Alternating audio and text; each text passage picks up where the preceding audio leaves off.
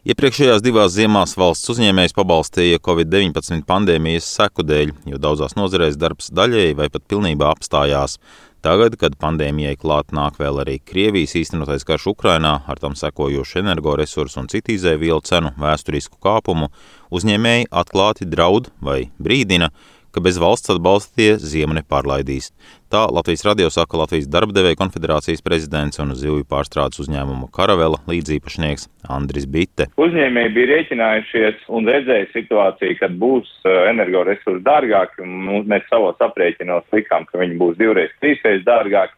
Realitāte ir sevišķi tiem uzņēmumiem, kas ir uz gāzi un nevar ātrāk pāriet prom uz kādām citiem alternatīviem. Reālais sadārdzinājums ir virs desmit reizēm bieži vien kas ir milzīgs sadārdzinājums un prasa nekavējošu rīcību. Energoietilpīgie uzņēmumi min trīs lielus izaicinājumus. Pirmkārt, kā strauji mainīt energoresursus, piemēram, no gāzes uz dīzeļdegvielu, otrkārt, kā iespējami vairāk un ātrāk ieguldīt energoefektivitātes lietās, un treškārt, kā pārdzīvot iespējamo ekonomikas recesiju un pieprasījuma samazinājumu. Tas viss esot sekas ilgstoši greizai valsts politikai. Bet ko tad darīt? Šobrīd mums būs precīzi jānosaka tie uzņēmumi, kuriem būs izdzīvošanas jautājumi.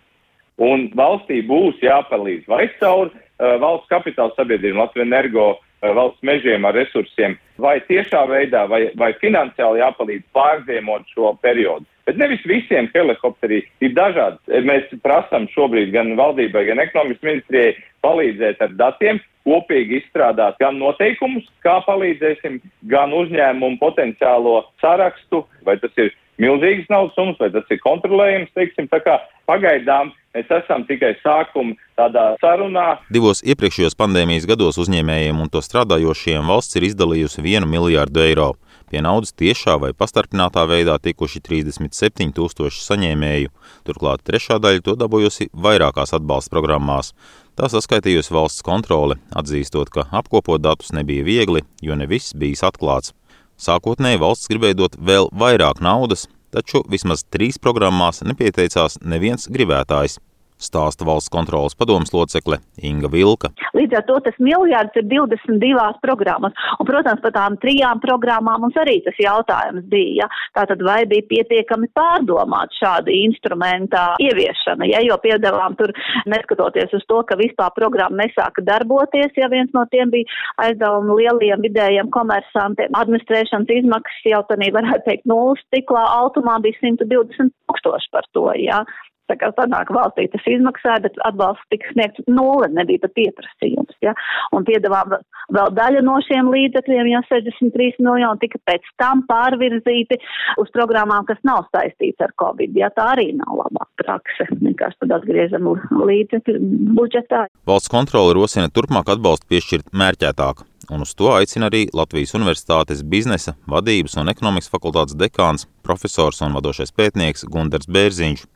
Viņš gan norāda, ka atbalsta pārāk viegliprātīga dalīšana nav tikai Latvijas problēma. Jautājums par tā saucamajiem zombiju uzņēmumiem, kur pastāv tikai tāpēc, ka ir pieejams valsts atbalsts, ir aktuāls visā pasaulē. Tad uh, uzņēmumi, kuri nav īsti konkurētspējīgi, bet viņi formāli kritērijiem atbilst tas, ka viņi spēj pretendēt uz valsts atbalstu, deva viņam šādas tiesības. Šī diskusija ekonomiski starpā bija visā Eiropā un arī pasaulē.